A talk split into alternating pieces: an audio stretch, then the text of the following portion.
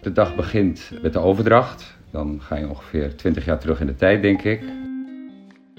En in het begin kan ik me nog herinneren dat ik dacht van ik, ben, ik heb alles geregeld om hier in Schotland veel te opereren. En vervolgens zit ik alleen maar te wachten en uh, heb zelfs voorgesteld om zelf de patiënt te gaan halen. Een groot aantal Nederlandse artsen werkt een bepaalde periode van hun leven in het buitenland. Ik wil weten, wat drijft deze mensen over de grens en waar lopen ze tegenaan? Ik ben Danka Stuiver, huisarts op Aruba en columnist. In samenwerking met het Medisch Contact zal ik in deze podcastserie Nederlandse artsen interviewen die wonen en werken in het buitenland. We gaan het hebben over hun persoonlijke overwegingen, hun belevenissen en over de positieve en negatieve kanten van hun vertrek. Weg bij familie en vrienden, weg uit de comfortzone, over de grens naar een onbekend land met een andere cultuur en taal en een ander zorgstelsel.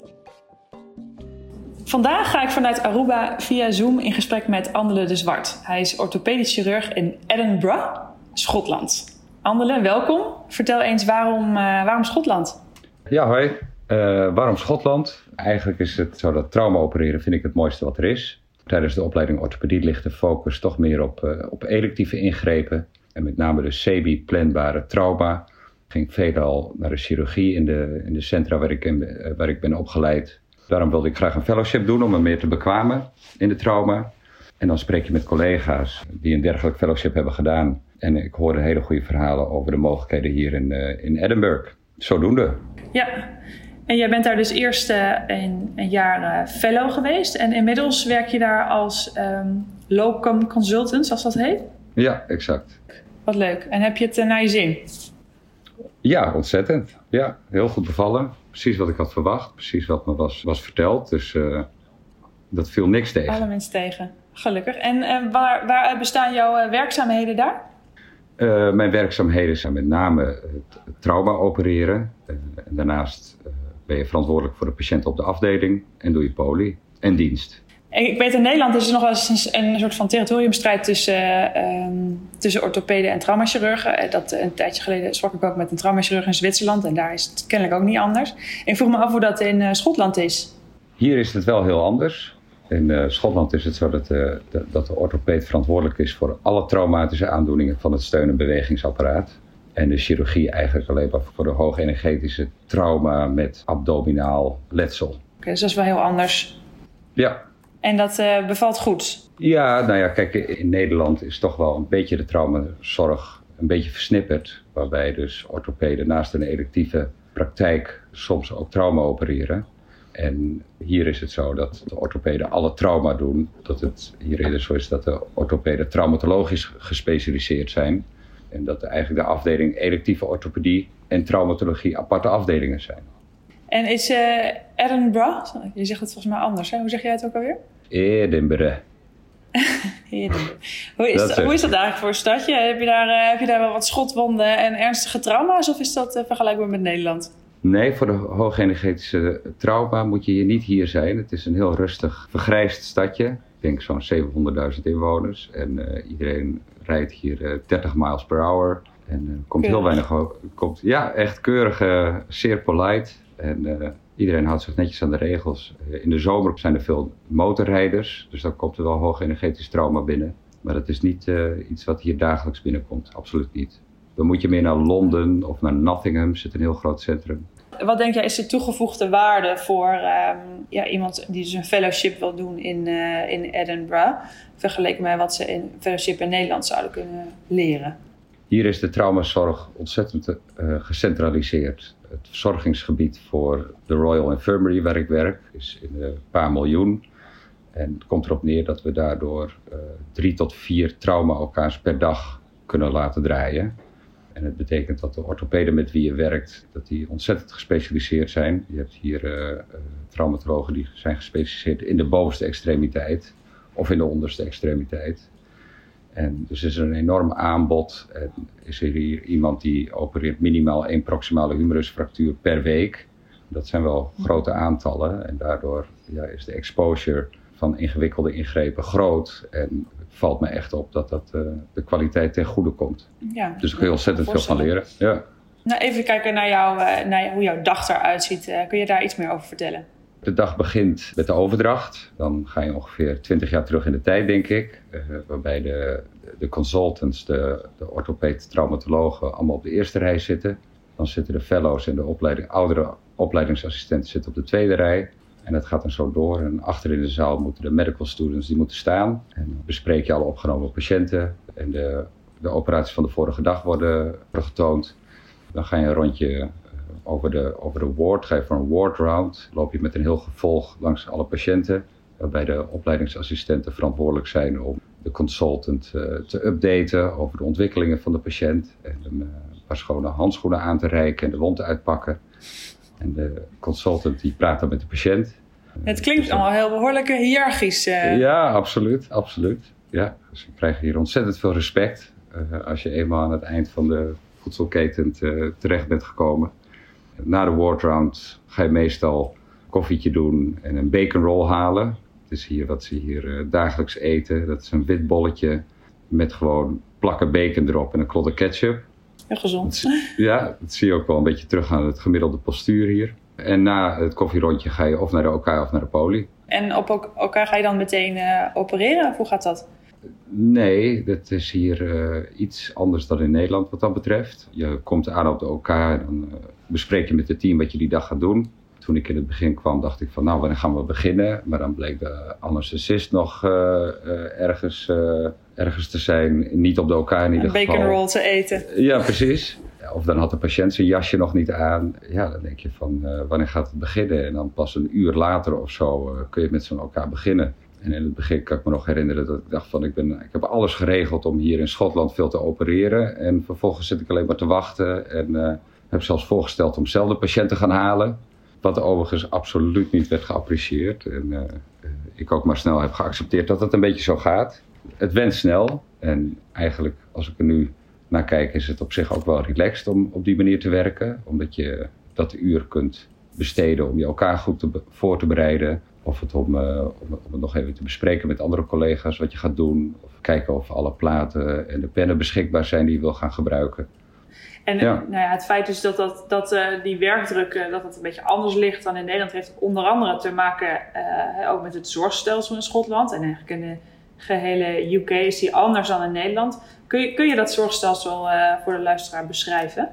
Als je hier vraagt wat de NHS is, dan zeggen ze uh, free at the point of access of delivery. Wat neerkomt op dat de zorg 100% gratis is voor iedereen, geen uitzondering. Dus het maakt niet uit of je bent geregistreerd als inwoner of, uh, of welke afkomst of je een creditcard hebt of niet. Het is voor iedereen altijd gratis. Het is zelfs zo dat als je een experimentele behandeling in, de, in Amerika wil, wat hele dure experimentele medicijnen of wat dan ook, daar zijn fondsen voor en het wordt ook allemaal betaald. Dus er is hier wat dat betreft geen discussie over wat iets kost. Maar dat lijkt me ook een onbetaalbaar systeem dan.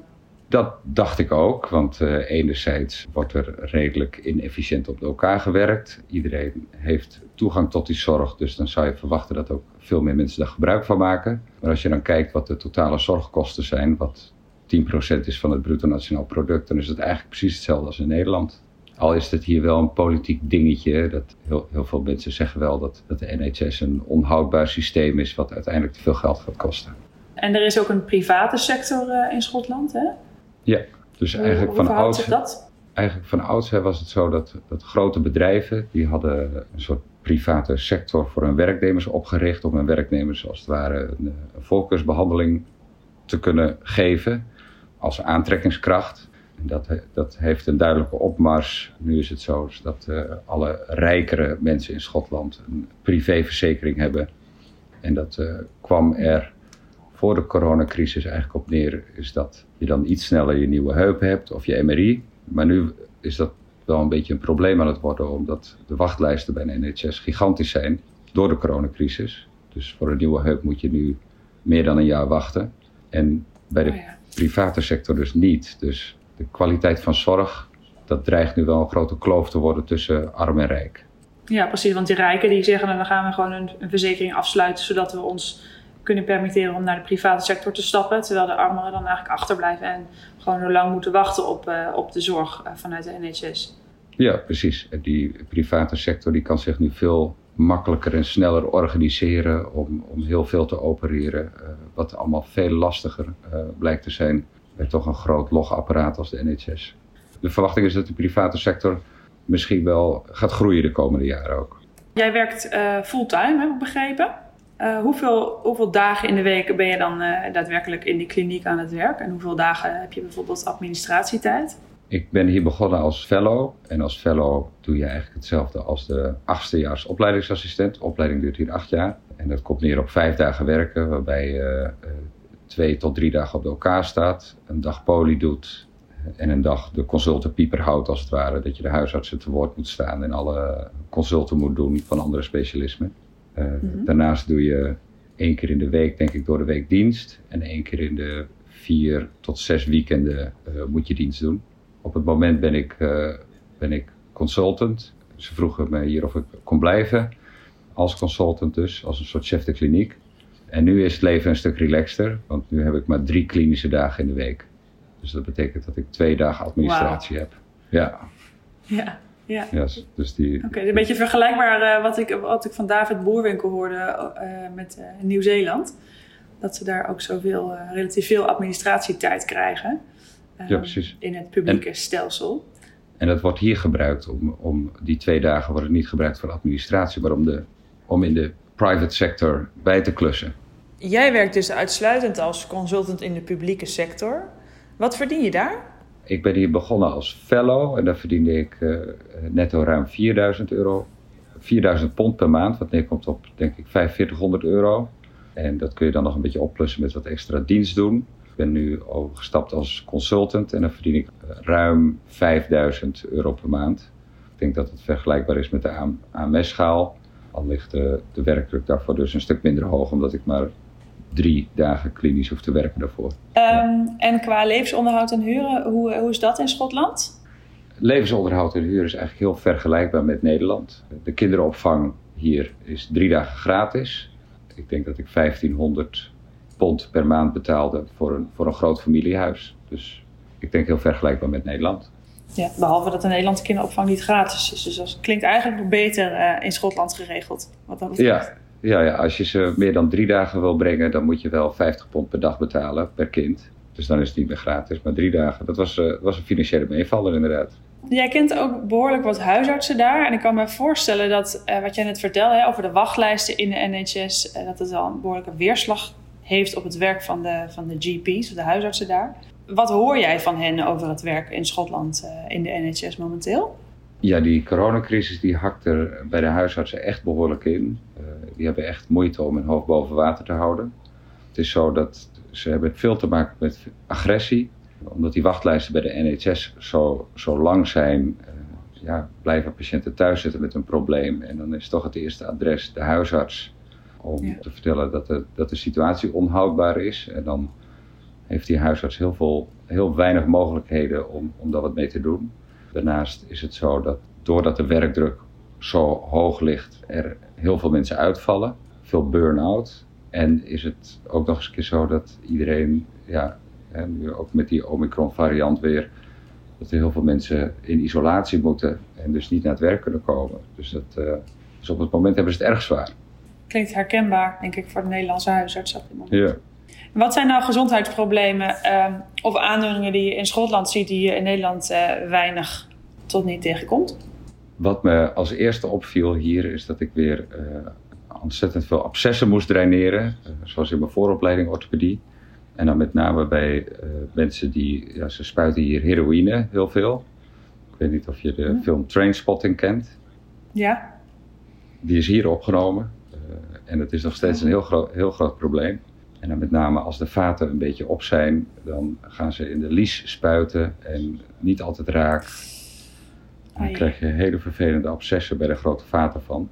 Dus uh, dat is iets wat mij erg opviel. Bij die doelgroep komt ook veel meer fasciitis necroticans voor en compartimentsyndroom. Dus ook zaken. Dat is levensbedreigend. Ja. ja. ja. Dus daar word je de dienst mee geconfronteerd. De ja, bevolking, ik had het al over die bacon roll, maar het is uh, echt een groot probleem, obesitas. Gemiddeld is de bevolking erg zwaar, hoog BMI. En ook opmerkelijk wat ik uh, onlangs in de krant las, is dat het is hier heel populair om te gaan wildzwemmen. Er zijn hier allemaal kleine meertjes waar ze dan een duikje in nemen. En die meertjes worden ook gebruikt als drinkwatervoorziening. Dus in zo'n meertje zit dan uh, onderin zo'n meertje een grote klep met een leiding om drinkwater van af te tappen. Er zijn dus nu, uh, nu vijf gevallen in het afgelopen jaar waarbij dus zo'n klep openging dat iemand aan het zwemmen was en op die manier verdronken is. Jeetje, het heftig zeg. Ja, nou, denk je dat je gezond bezig bent uh, lekker te gaan zwemmen. En dan kom je zo aan je einde. Je, ja. ziet al, je ziet wel allemaal botjes staan, dus het is ook wel een beetje dom. Maar Hey, we noemden net al hè, dus het wild zwemmen, maar wat zijn nou andere dingen die jij daar graag in je vrije tijd doet? Wat hier erg leuk is om te doen is, is golfen. Waar in Nederland de golfbaan wordt bevolkt door toch wel wat koude kak uh, die hun participatie hebben betaald en door de tweede ballotage zijn gekomen.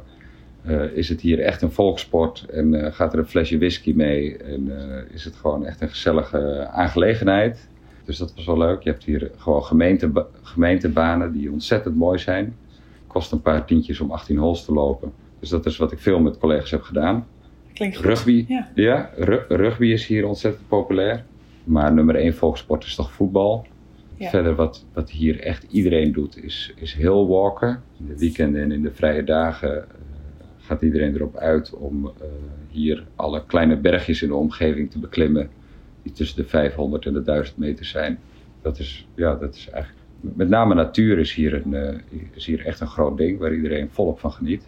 Toen ik sprak met uh, Brian van der Wal, die als traumachirurg in, uh, in Zwitserland werkt, die vertelde dat de, dat de bergen toch wel een, uh, zorgen voor een grote aanwas van patiënten door allerlei ongelukken die natuurlijk ook kunnen gebeuren. Merk je dat ook bij jullie? Op zich valt het wel mee. Dus ik denk dat hier de lokale bevolking erop gebouwd is om goed die heuvels op en af te lopen. Wat een ontzettende leverancier van enkelfracturen is, is hier een berg midden in het centrum van Edinburgh, uh, Arthur Seat. En heel veel toeristen gaan Arthur Seat beklimmen. En als het dan een beetje regenachtig wordt en het wordt een beetje slippery, dan breekt iedereen zijn enkel. Dat is uh, gigantisch voor de, de oplettende luisteraar, die zal zich afvragen misschien waarom ik nog niks heb gevraagd over jouw persoonlijke situatie. Um, want jij hebt een vriendin en samen hebben jullie drie kinderen. Um, maar zij zijn inmiddels niet meer in Schotland. Hè? Vertel eens. Uh, op, uh, dus ik ben hier begonnen als fellow en uh, dat was voor een jaar. Mijn vriendin heeft haar baan als kandidaat-notaris opgezegd om met mij mee te gaan hierheen aan het eind van het jaar bleek dat ik hier kon blijven als locum consultant. Maar zij wilde toch ook wel weer heel graag weer aan het werk. En we hebben uh, toen besloten dat we hier maximaal zes maanden zouden blijven. En dat zij dan in de tussentijd een baan zou zoeken. Om dan met z'n allen rond deze tijd weer terug te gaan naar Nederland. Hm. Alleen kon zij na vijf, dagen, na vijf dagen solliciteren, kon zij alweer terug. Uh, voor een hele mooie baan, wat ze heel graag wilde uh, als jurist bij de rechtbank in Noord-Nederland was iets wat haar fantastisch leek. Dus uh, ze is er tussenuit gepiept met de kinderen. Met de kinderen? Dus jij zit er nu al een half jaar eigenlijk alleen? Ik zit hier eigenlijk alleen, inderdaad. het zit er nu bijna op, dus ik zie ernaar uit om weer herenigd te worden met het gezin. Al heb ik in het afgelopen half jaar, ondanks de corona en mede door de schappelijke werktijden, wel veel heen en weer kunnen reizen naar Nederland. En zijn ze hier ook nog onlangs twee weken geweest zo erg is het ook weer niet. Maar ik zie er wel naar uit om weer terug te gaan naar Nederland. Ja. Wat zijn jouw plannen als je weer in Nederland bent? Wat ga je daar, wat ga je daar doen? Heb jij een baan gevonden? Het is zo dat ze wilden ook wel dat ik hier nog uh, wat langer bleef. Maar met het gezin was het niet echt houdbaar. En ook gezien de uh, matige banenperspectief in Nederland heb ik ondertussen gesolliciteerd naar, de, naar een opleidingsplek voor de huisartsgeneeskunde. En ben aangenomen en daar ga ik in maart mee beginnen. Dus ik moet gefeliciteerd zeggen, maar ja. ik weet ook dat, je, dat dat natuurlijk een, eh, een, een, een proces is uh, waar je doorheen gaat om uiteindelijk tot de keuze te komen om, uh, om je te laten omscholen. Wat dat natuurlijk in feite is. Ja, absoluut. Daar ben hoe, ik niet, hoe heb je dat de, ervaren? Nou, daar ben ik natuurlijk niet de opleiding orthopedie voor gestart en een PhD gedaan en een fellowship trauma. Ook al moet ik zeggen dat ik alsnog wel terugkijk op hele mooie jaren. Dus ik, het is niet helemaal dat ik het dat het voor niks is natuurlijk. Maar ja, ik had toch wel een andere, ander beeld toen ik eraan begon, absoluut. Ja. Dat, is, dat is een proces en, en, tegen het einde van je opleiding kom je erachter dat, uh, dat die banenmarkt erg moeilijk en lastig is. En, eh, en dan groei je daarin. En ondertussen ben ik wel, eh, ben ik wel echt toe aan, eh, aan, aan een nieuwe stap en een, een nieuw begin. En ergens aan beginnen, waar ik, heb ik ook wel weer heel veel zin in. Gelukkig. Ander, als laatste zou ik je willen vragen: wat zou jij tegen een collega willen zeggen die overweegt om ook in Schotland te gaan werken? Ik zou willen zeggen dat je kan me altijd even bellen. Kan je zo in contact brengen met de juiste personen hier. Ze zijn over het algemeen erg tevreden met Nederlanders. Soms vinden ze ons wat direct, maar over het algemeen uh, vinden ze dat ook eigenlijk alleen maar mooi. Denk ik tenminste. Ja, to toch wel, uh, uh, ja, het is toch wel, toch wel een iets andere cultuur. Ze noemen het zelf ook een eilandcultuur, wat, wat soms een beetje lastig is te interpreteren. ze zijn ontzettend polite en aardig. En, ik weet nog dat we ontzettend welkom werden geheten, ook in de buurt waar we gingen wonen. Maar tegelijkertijd zijn ze ook erg op hun privé gesteld. En is zomaar even aanbellen, is ook uit den boze. Maar kom je dan achteraf achter. Maar goed, het zijn allemaal hele overkomelijke cultuurverschillen. Voor de rest, uh, ja, weet je, met die, met die brexit is het allemaal wel iets lastiger geworden. De papiermolen best wel, best wel taai. Uh, maar het kan allemaal gewoon nog wel. En uh, er is hier veel werk, dus, dus ze zijn blij als je komt. Nou, en ik denk ook dat het echt een aanrader is als je. Het allermooiste is als je van tevoren weet eh, wat voor werk je gaat doen als je terugkomt. Als je bijvoorbeeld verantwoordelijk bent voor de elleboogfractuur, als je weet dat je dat, je, dat, je dat, dat je dat wordt, dan kun je hier een koppeling regelen met een specialist op elleboogfracturen. En dan kun je echt ontzettend veel hele moeilijke ellebogen leren opereren en die kennis meebrengen. Naar Nederland. Ja. Oké, okay, dankjewel. Graag gedaan. Hiermee zijn we gekomen aan het einde van deze podcast. Dit keer met Andelle de Zwart, orthopedisch chirurg in Schotland. de volgende keer ga ik in gesprek met Esther Hink. Zij werkt als gynaecoloog in de Franse Alpen in Chamonix. Heb je naar aanleiding van deze podcast vragen of heb je tips? Mail die dan naar redactie.medischcontact.nl. En vanuit Aruba zeg ik, ajo!